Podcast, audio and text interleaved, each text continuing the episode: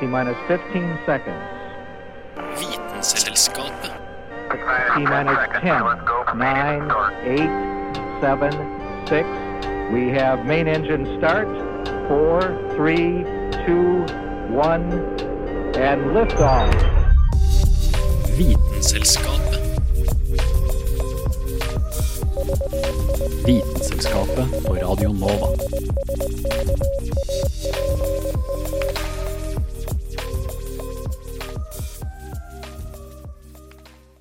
Storebror ser deg. Hvor enn du rømmer, kan du ikke unngå å bli sett og kontrollert. Vitenselskapet har denne uka utvikla Paranoia, og den neste halvtimen skal handle om overvåkningssamfunnet, som det er, som det kan bli, og hva slags digitale trusler vi må hanskes med. Alt det her blir mer og mer relevant for hver dag som går. Vitenselskapet er derfor her for å opplyse det. Jeg heter Carl Adams Kvam og skal geleide deg gjennom denne sendinga. Oslo 2 igjen, Oslo 2. Dette er Vitenselskapet. Radio November, Oskar. Viktor. Alfa.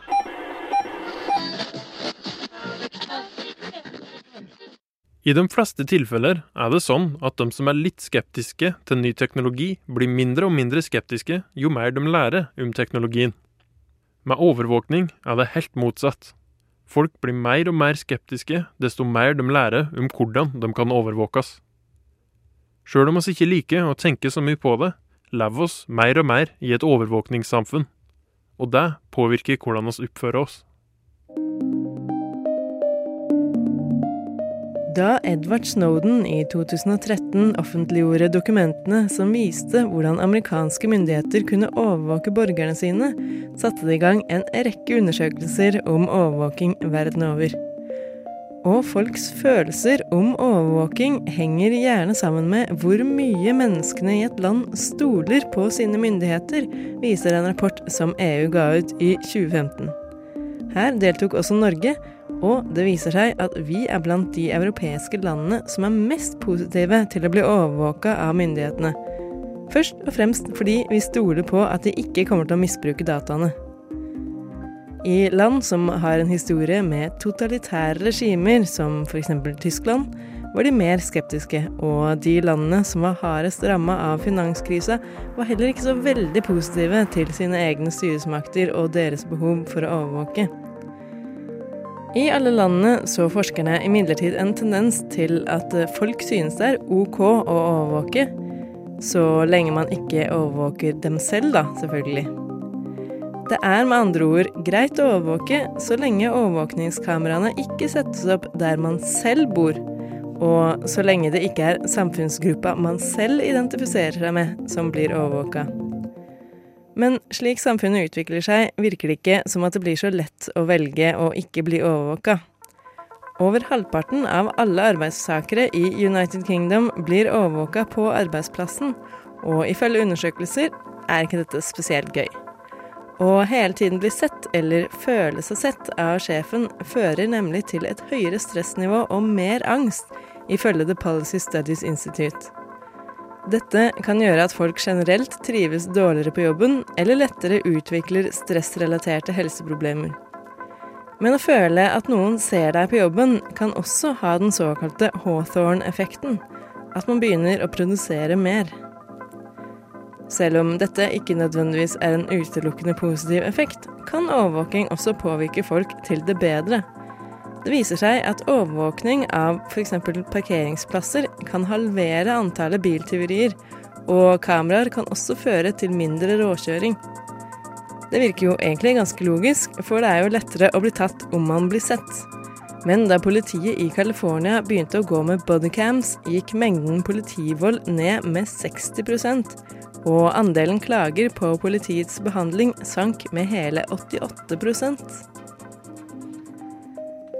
Men selv om det også kommer bra ting ut av overvåkning, kan det å bli sett av storebror ha negativ effekt på demokratiet og ytringsfriheten. I en amerikansk undersøkelse fra 2016 ble en gruppe mennesker vist en falsk nyhetsoverskrift som sa at USA hadde angrepet IS i Irak. Deretter ble de spurt om deres meninger rundt dette, samtidig som de ble minnet på at det de sa, ble overvåka. Det viste seg at det at de visste at de ble sett, gjorde at de selvsensurerte seg og ikke delte sine meninger så fritt som de ellers ville gjort. En annen interessant ting var at de som hadde den mye utbredte 'hvis du ikke har noe å skjule, trenger du ikke være redd for overvåkning'-holdninga, faktisk var de som sensurerte seg selv mest. Vi mennesker tilpasser altså oppførselen vår etter om vi tror vi blir overvåka eller ikke, og dette fenomenet er noe myndighetene kan dra nytte av.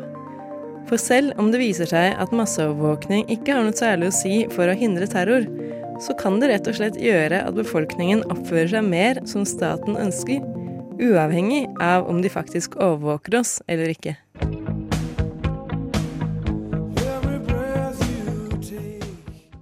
Det er ikke bare myndighetene sin overvåkning som kan påvirke oppførselen vår. Nå som alle har mobilkameraer og sosiale medier, kan potensielt alt du gjør og si bli offentliggjort. Og noen forskere mener at dette fører til at oss bevisst eller ubevisst sensurerer oss sjøl. Så sjøl om det kan være ekkelt å tenke på at storebror ser oss, er det ikke nødvendigvis så hyggelig å vite at oss òg er omgitt av mange småbrødre. Denne saken var logget av Kristin Grydeland. Den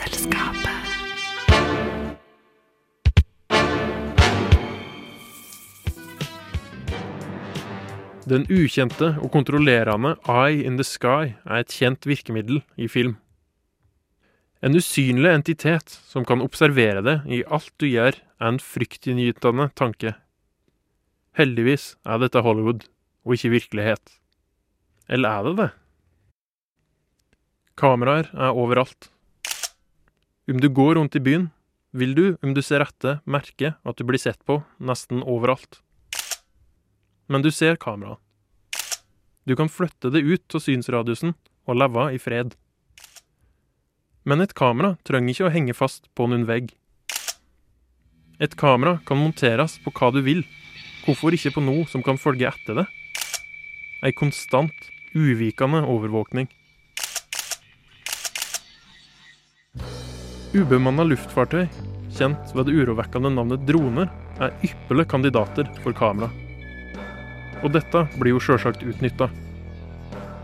Som med mye teknologi er pioneren bak det amerikanske forsvaret. Allerede i 1995 ble Predator-drona brukt på Balkanhalvøya. Denne kameradrona var utstyrt med missiler, så en operatør kunne fra mils avstand se og tilintetgjøre målet sitt. Og bruken var bare trappa opp. Tar du våpenet bort fra drona, blir den ikke nødvendigvis noe mindre skremmende. For med avansert kamerateknologi kan massive områder overvåkes. Den amerikanske grensevakta har ti brukt droner på grensa både i sør og i nord. Fra 8500 meter opp blir ikke det ujevne og øde terrenget lenger vanskelig å helle styr på. Prisen på drona har vært det største mennet. Med en prislapp på 20 millioner dollar per stykk tenker en seg om to ganger men fortsatt er kameraene der oppe og kan pekes annet sted. Betenksomhetene med fjernstyrt overvåkning blir enda tydeligere i ljos av et prøveprosjekt i Baltimore, Maryland. Denne kriminalitetherja byen, best kjent fra The Wire, var åpen for alle løsninger for å bekjempe lovbrytere. Persistent Surveillance Systems kom med ei mugle løsning hva med å putte et kamera på ei drone høyt over byen, og sånn kunne følge med på alt som skjer? Politiet i Baltimore fikk et nytt redskap i jobben sin. Med et såkalla gigapixel-kamera kan du fra mange tusen meter opp zoome deg inn på hver enkelt ting som er under deg. I et hav av piksler kan en erfaren tekniker peke ut en varebil og følge den fram og tilbake i tid. Politiet sin jobb blir fort mye lettere med ei tidsmaskin, og den varebilen kan følges fra åstedet og tilbake dit den kom fra. Veldig effektivt, altså.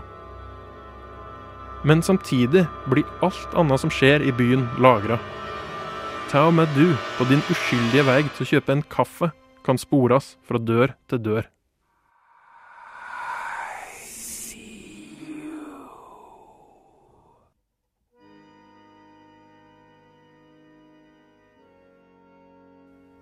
I Norge er problematikken fortsatt uprøvd. Men i framtida må spørsmålet om hva vi vil ha av overvåkning, svares på. Bølger merkes allerede. Ett forslag fra NTNU-studenter vant en konkurranse om overvåkning av strømnettet, med nettopp droner som løsning. Statsnett, som utlyste konkurranser, er tydeligvis ikke altfor skeptiske. Og skal strømnettet overvåkes, må hele Norge overvåkes. Hvor går oss fra her? Vil oss til slutt gi fra oss privatlivet for å føle oss trygge? Oss endrer oss jo når oss blir sett på. Mugligheta er her allereie. Vil du la storebror se det? Men Når folk som Stephen Hawking, Elon Musk og Noam Chomsky går sammen om noe, er det vel ofte et tegn på at det er tid for å lytte. Og hva går de sammen om, spør du? En advarsel om autonome våpen. Det høres jo egentlig ganske fint ut med sånne autonome våpen. Her i Norge så har ikke helt den dronedebatten som har rast en stund i USA, nådd oss. Og noen vil vel mene at vi er litt for flinke til å spille struts her i landet. Men visste du forresten at strutser ikke putter hodet i sanden? Lurer fælt på hvem som fant opp det, egentlig. Strutser, ass. Men ja, tilbake til temaet nå. For droner de er nemlig ikke autonome våpen, i hvert fall ikke de som er i bruk i dag. Operatøren sitter riktignok trygt og godt på noe lignende et kontor og styrer over et stort våpenarsenal langt over bakken i andre land, men det sitter fortsatt et menneske ved roret. I sikre omgivelser kan han bestemme seg for å skyte eller ikke. Og om det er riktig, det blir en annen debatt overhodet. For det er tross alt mennesker som tar beslutningene. Det man advarer mot nå, er å overlate dette ansvaret til dronene selv. Autonome våpen har riktignok en lang historie, for de trenger nemlig ikke å være så avanserte. Landminer er de første eksemplene på slike, og de dukket opp allerede på 1600-tallet. De ligger der, og om noen tråkker på dem, så sier det pang, og lemmer flyr i alle retninger. Helt siden 70-tallet har vi brukt autonome våpen på skip og tankser. Radarkontrollerte kanoner som oppdager og angriper innkommende missiler, fly eller skip. Og grunnen til at det opererer på denne måten, er jo for å ikke bli forsinka av en menneskelig vurdering det ikke er tid til. Et missil eksempel, det flyr jo ganske fort. Autonome våpen er ganske enkelt våpen som har en stående instruks til å skyte, gitt at visse parametere er oppfylt, og hva disse er, er opp til programmeringen.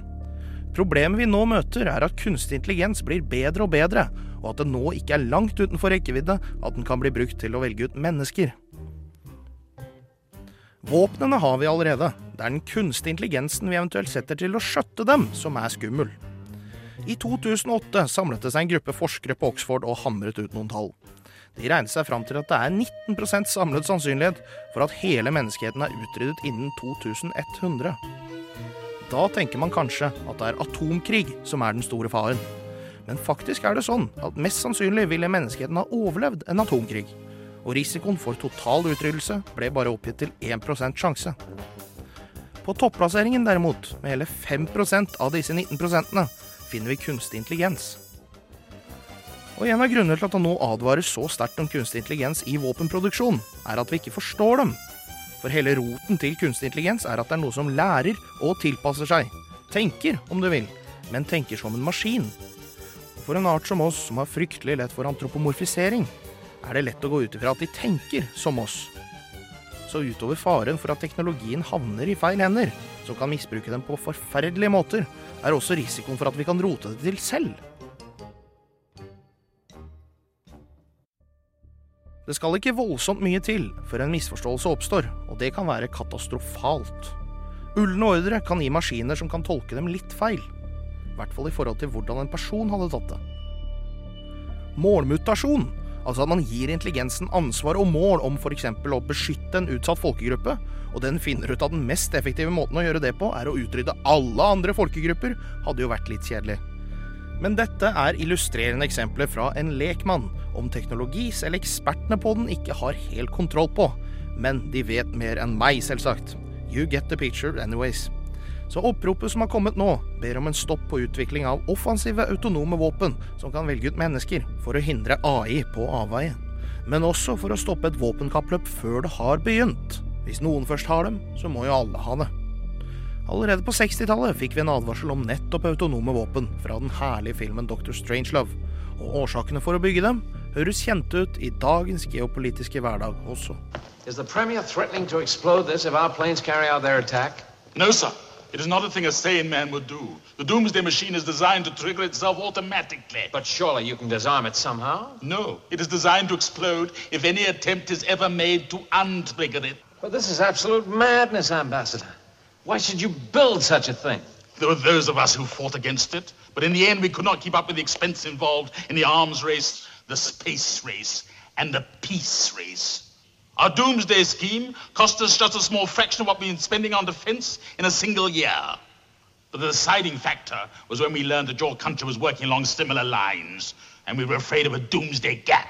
This is preposterous. I've never approved of anything like that. Our source was the New York Times. Mannen som står bak denne saken, heter Dag Løvold Magnussen. For mange av oss er Facebook ett av de sosiale mediene vi bruker mest. Men hvordan kan Facebook bruke oss? Eller rettere sagt informasjonen om oss?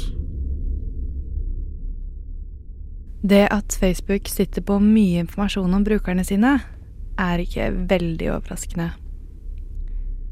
Facebook er for mange av oss et sentralt verktøy, og selvfølgelig kilde til tidsfordriv. Og vi deler mye, noen av oss kanskje litt for mye, fra livet vårt. Men hva vet Facebook egentlig om deg? Og overvåker det deg? Og hva bruker de i så fall dette til? Målrettede annonser, eller targeted ads, er big business. Og da også retargeted ads. Du har kanskje lagt merke til at noe du har sett på og nesten kjøpt på eBay, plutselig dukker opp i feeden på Facebook eller ved siden av artikkelen du leser på side to. Dette er et resultat av cookies, eller informasjonskapsler, som lar nettleseren f.eks. spore og identifisere brukere av en side. Det er ved hjelp av cookies at en nettbutikk kan lagre og da huske handlekurven din, eller ønskelista di, uten at du må være innlogget. Når du f.eks. logger inn med Facebook-profilen din som verifisering på nettsider og kommenterer eller deler artikler eller blogginnlegg, vil dette automatisk bli registrert av Facebook. Innad på Facebooks egne medier er det du foretar deg, mer fullstendig monitorert, og gir da Facebook en oversikt over annet hvem du sender melding til, hvilke sider eller grupper du er inne på, hvor ofte du er pålegget, hvor du er pålogget fra, og også dessverre hvilke profiler du stalker. Slik informasjon er svært verdifull for Facebook, eller svært verdifull for reklameindustrien. For ja, selv om det seff hadde vært flott om Facebook av prinsipp ikke hadde reklame, er jo bedriften i stor grad reklamefinansiert. Det sier kanskje deg selv. Å drive en plattform med to milliarder unike brukere over hele verden er jo ikke gratis.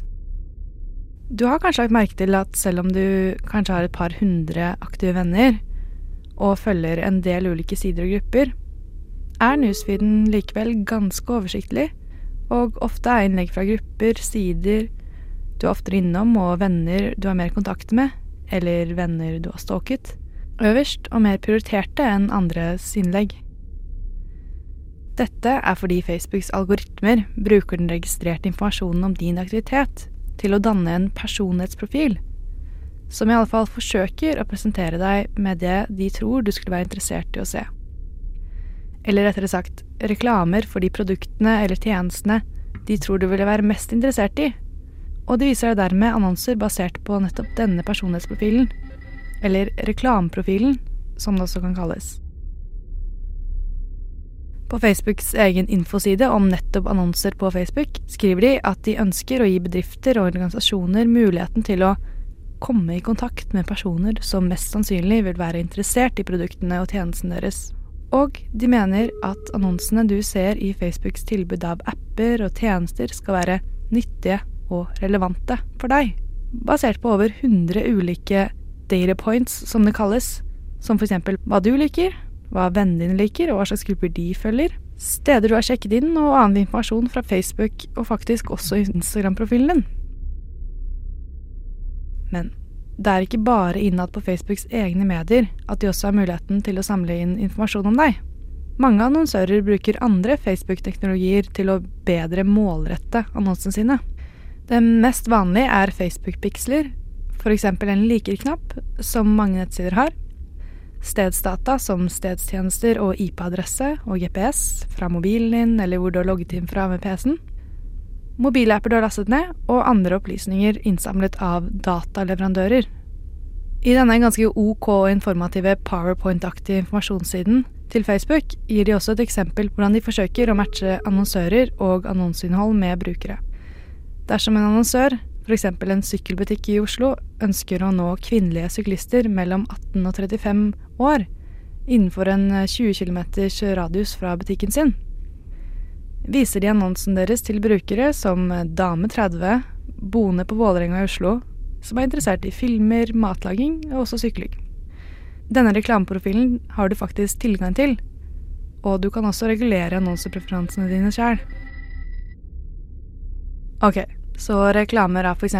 sko du har titta på, eller memes og arrangementer du kanskje skulle vært interessert i, er en ting. Men eh, slik mer målretta reklame kan også ha en litt mørkere side.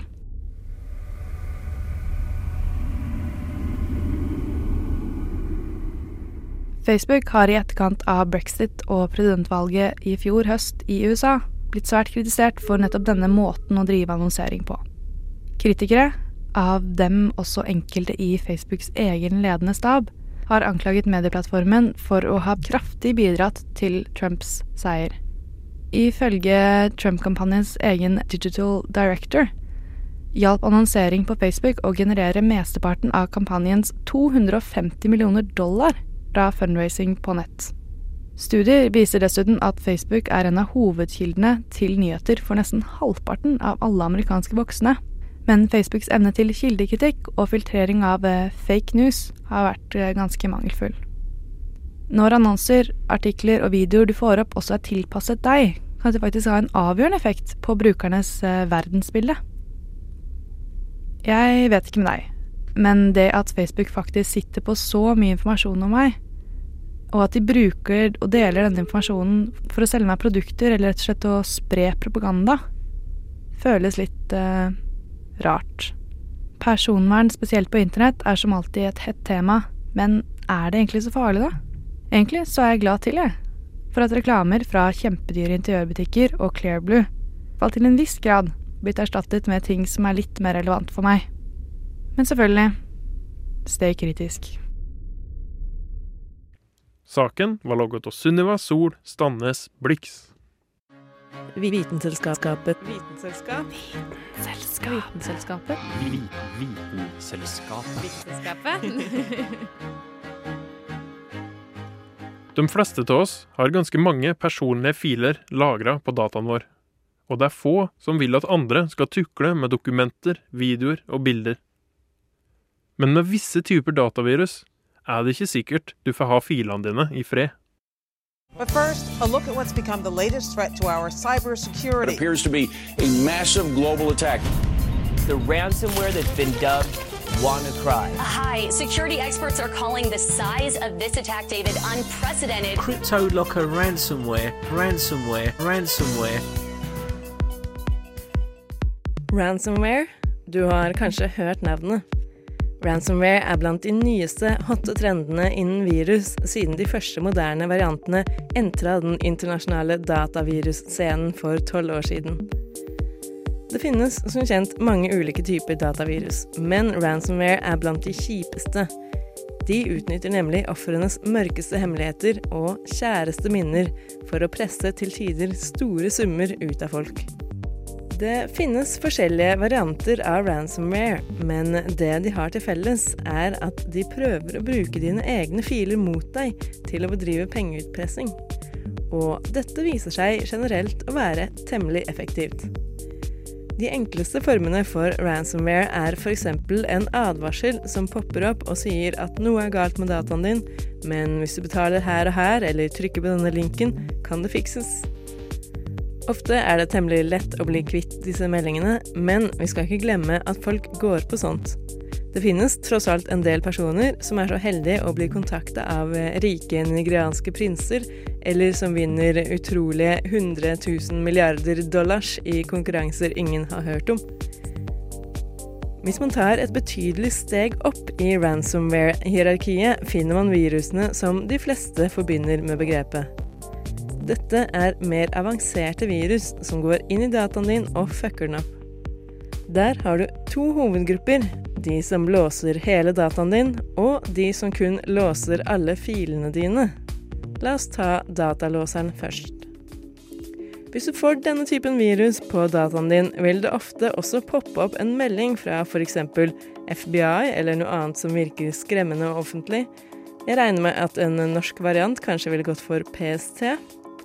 Så det disse veldig viktige og veldig falske institusjonene hevder, er at akkurat din data kan linkes til et alvorlig lovbrudd, f.eks. at du har ulovlig porno, men at hvis du betaler en bot, vil alt ordne seg. Dette skjedde bl.a. i 2013 med en mann fra Virginia som tilfeldigvis hadde barneporno på dataen sin. Han ble skremt og meldte seg til politiet, og ble dermed dømt for forholdet. Et av få eksempler på et datavirus som fikk positive følger for de unge jentene han hadde chatta med, i det minste. For de aller mest kjente tilfellene av ransomware er nemlig de slemmeste og mest hjerteskjærende for ofrene. Dette er nemlig virus som holder dine egne feriebilder som gisler. At folk er desperate etter å beholde sine egne minner, bilder og filer, er noe virusskaperne har lært å utnytte og det er estimert at virus som Cryptolocker, Locky, CryptoWall og Petya har sopt inn millioner av dollar. Nå i mai ble verden angrepet av et av de mest berømte virusene hittil, kalt WannaCry. Det spredde seg utrolig raskt og påvirka hundretusenvis av datamaskiner verden over. Men hvordan fungerer egentlig et slikt ransomware? Det er som sagt flere forskjellige virus som er programmert på litt ulike måter, men eh, de fleste opererer omtrent sånn. Først lurer de deg til å klikke på noe, slik at dataen din blir infisert. Det er viktig for viruset at det ikke blir oppdaga, så det prøver å bevege seg så stille som mulig. Det kan gjerne slette seg selv, så det ikke er noe spor etter det, mens det fortsetter å gå i bakgrunnen. Når viruset har kommet inn på dataen din, sender det signaler til en annen server via internettet. Denne serveren skaper et sett med to nøkler. En offentlig og en privat nøkkel. Den offentlige nøkkelen brukes til å kryptere filene dine. Tenk på det som en slags nøkkel som kun kan låse ting. Den private nøkkelen kan låse opp det den andre nøkkelen har låst. Men denne nøkkelen beholdes selvfølgelig av skurkene. Til pengene er betalt, i det minste.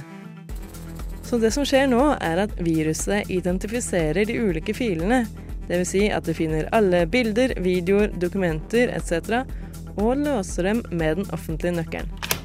Så popper det opp en skjerm som forteller deg at alle filene dine er blitt låst, og hvis du noen gang vil se bildene av din førstefødte sønn igjen, må du sende penger, i bitcoin som regel, innen en viss frist, f.eks. 72 timer. Så i teorien kan du da velge å enten skrape sammen penger for å kjøpe den magiske private nøkkelen, eller du kan velge å ikke betale og sitte igjen med bare ubrukelige filer. Problemet er at selv om du betaler, er det ikke garantert at du får tilbake filene. For å beskytte seg mot at dataen din hijackes av ransomware, kan man f.eks. This file has been logged. This file has been logged. Hun som logga dette innslaget, heter fortsatt Kristin Grydeland.